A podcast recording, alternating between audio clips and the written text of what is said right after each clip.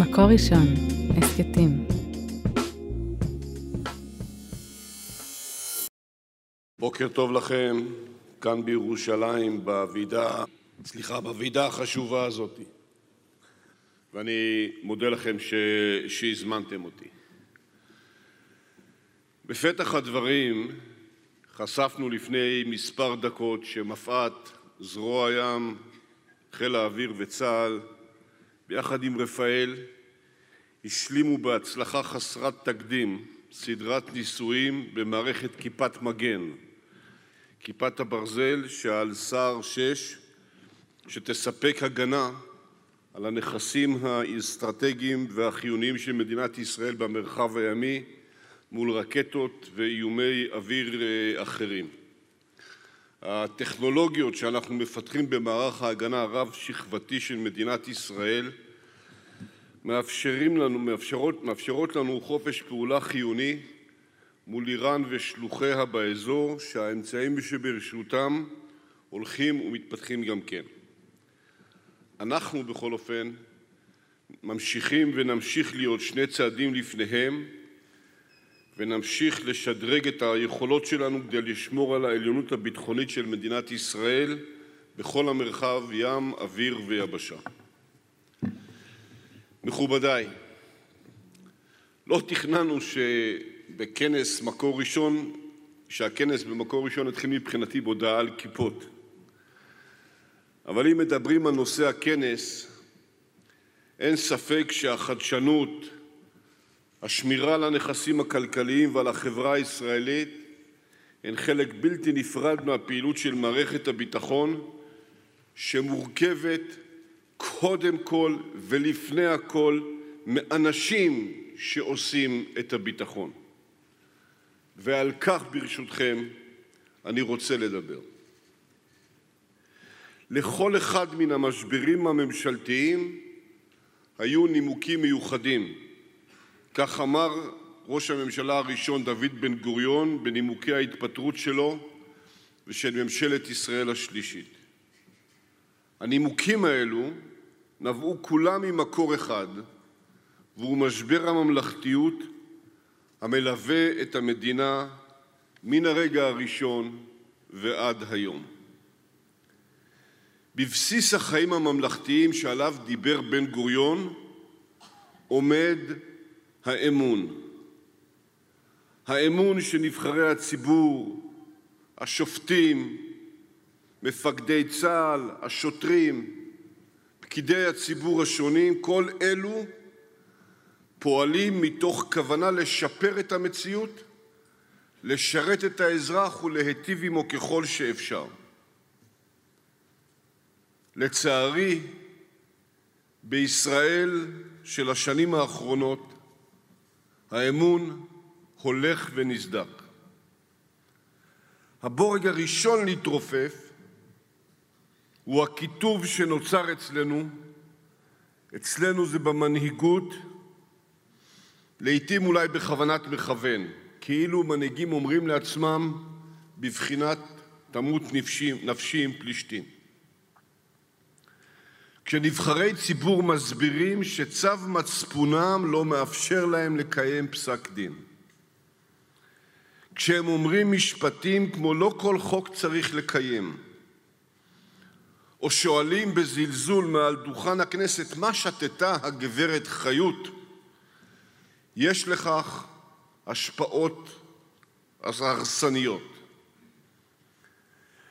וגם כשאנשים שבשם התנגדותם לפעילות צה"ל בשטחי יהודה ושומרון או בשם התנגדותם לתנאי השירות של אנשי הקבע מפיצים פייק ניוז ובעצם מצדיקים פגיעה בחיילים או הבאה של מפקדים לבתי דין בינלאומיים בהאג, לבית הדין הבינלאומי בהאג, מצרכים פוליטיים. נוצרת תגובת שרשרת מסוכנת. ואני שואל את עצמי, למי יש אינטרס במדינה, במדינה שבה מערכת המשפט חלשה, שהשוטרים בה נטולי סמכות, שקצינים מתחילים לשקול להוריד את המדים כשהם נוסעים הביתה לסידורים? רק לארגוני טרור, לארגוני פשיעה ולאויבינו, וזה חלילה, חברים, וזה ממש חלילה, מתאים גם למי שמעוניין לפגוע במבנה החוקתי והדמוקרטי בו יש מקום לעליונות החוק השווה לכולם. אני מבקש להתמקד בצה"ל. לכם הנמצאים פה, אני לא צריך להגיד כמה צה"ל חשוב לנו כמדינה וכחברה. כממשלה וכמערכת ביטחון אנו נוקטים בשנה האחרונה בצעדים רבים שיחזקו את ההון האנושי. זוכרים שאמרתי? אנשים מייצרים ביטחון. אנשים מפתחים טכנולוגיות. אנשים נמצאים שם כשאומרים להם וגם כשלא אומרים להם. אז לכן אנחנו נוקטים באמת בצעדים רבים שיחזקו את ההון האנושי הזה באמצעות דמי קיום נאותים לחיילים בשירות סדיר, באמצעות תוכניות להשארת משרתי הקבע בשוק תחרותי מאין כמוהו וטוב שהוא תחרותי ובאמצעות מהלכים לעידוד, לעידוד גיוסם של צעירים מהפריפריה ליחידות, הטכנו, ליחידות העילית ולמערכים הטכנולוגיים של צה"ל. לצערי, צה"ל על חייליו, אנשי הקבע שלו ומשרתי המילואים שהולכים מתמעטים החזקים במסירותם, צה"ל נמצא תחת אש מבית. הוא סופג התקפות מצד אישי ציבור חסרי אחריות, חלקם פוסט-ציונים, שמוכנים להחליש את כולנו בשביל לייקים. יש ניסיונות לסכל את מתווה השירות החדש, שבו אמורים להשתלב כל חלקי החברה הישראלית. ואני אומר לכם שההחלשה הזו היא בבחינת סכנה ביטחונית. העובדה הכואבת שכמחצית מכל שנתון לא מתגייסת היא לא הוגנת והיא מסוכנת. גם היחס הפופוליסטי לאנשי הקבע הפך מלא בשקרים עד עלילות דם. נושאים שצה"ל פותח לראשונה מזה שנים בקרב חיילים, כמו שיפור התחבורה, המזון, המאבק בהטרדות מיניות, הופכים לתחרות של כותרות, כותרות של חברי כנסת. ובמצב הזה אשמה קודם כל ההנהגה שנוהגת בהבנה בפני כל מי שרוצים לפגוע ולפרק את צה"ל. אומר בכנות, בממשלה הקודמת שמרתי בנוכחותי הפוליטית ובעשייתי על הדמוקרטיה הישראלית, וכעת אני חש שאני נאלץ לעשות אותו דבר למען הביטחון. אני רוצה לומר בבירור שאין לי כל כוונה שהמצב הזה יימשך. הממשלה והקואליציה כולה, ואני ממליץ זאת גם לחבריי מהאופוזיציה, צריכות לשים את הביטחון מעל לשיקולים הפוליטיים. אסור להפוך את צה"ל לשק חבטות פוליטי. ביקורת, כן. השתלחות, לא. כמי שהצביע על כמה נושאים שלא הסכים איתם בקואליציה, אני יודע שצריך לתת לשר העוסק במלאכה גיבוי. לא בלי שיח, לא בלי הערות וביקורת, אבל גיבוי. ואני אומר לכם מכאן, אני מתכוון להביא מתווה שירות עדכני למדינת ישראל. אני מתכוון להמשיך לחזק את חיילי החובה ונכי צה"ל. אני מתכוון להביא עוד הטבות למעט מילואימניקים למרות הקשיים שמאמרים עליי.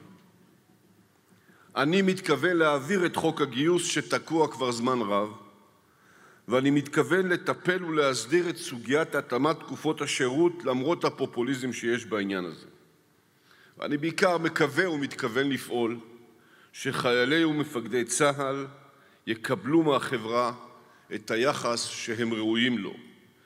מדובר במאבק ערכי למען הביטחון, ואני מתכוון לשנות את המצב העגום שאליו הגענו ושפוגע בחיילי צה"ל, באנשי הקבע, בחיילי המילואים, ובעיקר פוגע בסופו של דבר במדינת ישראל ובביטחונה. מכובדיי, מדינת ישראל היא מדינת כל שבטיה, אך אסור בשום אופן שתהיה מדינה של שבטים. עלינו המנהיגים מוטלת האחריות לשמור על אחדות העם, לחבר, לשים את הביטחון, את העניינים החברתיים, את הכלכלה בראש מעיינינו, לשמור על הממלכתיות ועל האמון בגופי המדינה וביחס למקבלי ההחלטות. לפני כל חוק או רפורמה, לפני כל משפט שנאמר, אנחנו צריכים לחשוב על החייל שבשטח ועל האזרח ששלח אותנו למשימתנו וזקוק לשירותנו. בסופו של דבר, מאחורי המטוס, כיפת הברזל והטנק עומדים בני אדם.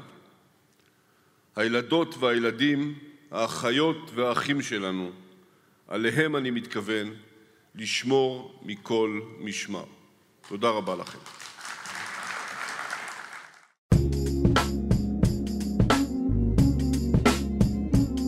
מקור ראשון, הסכתים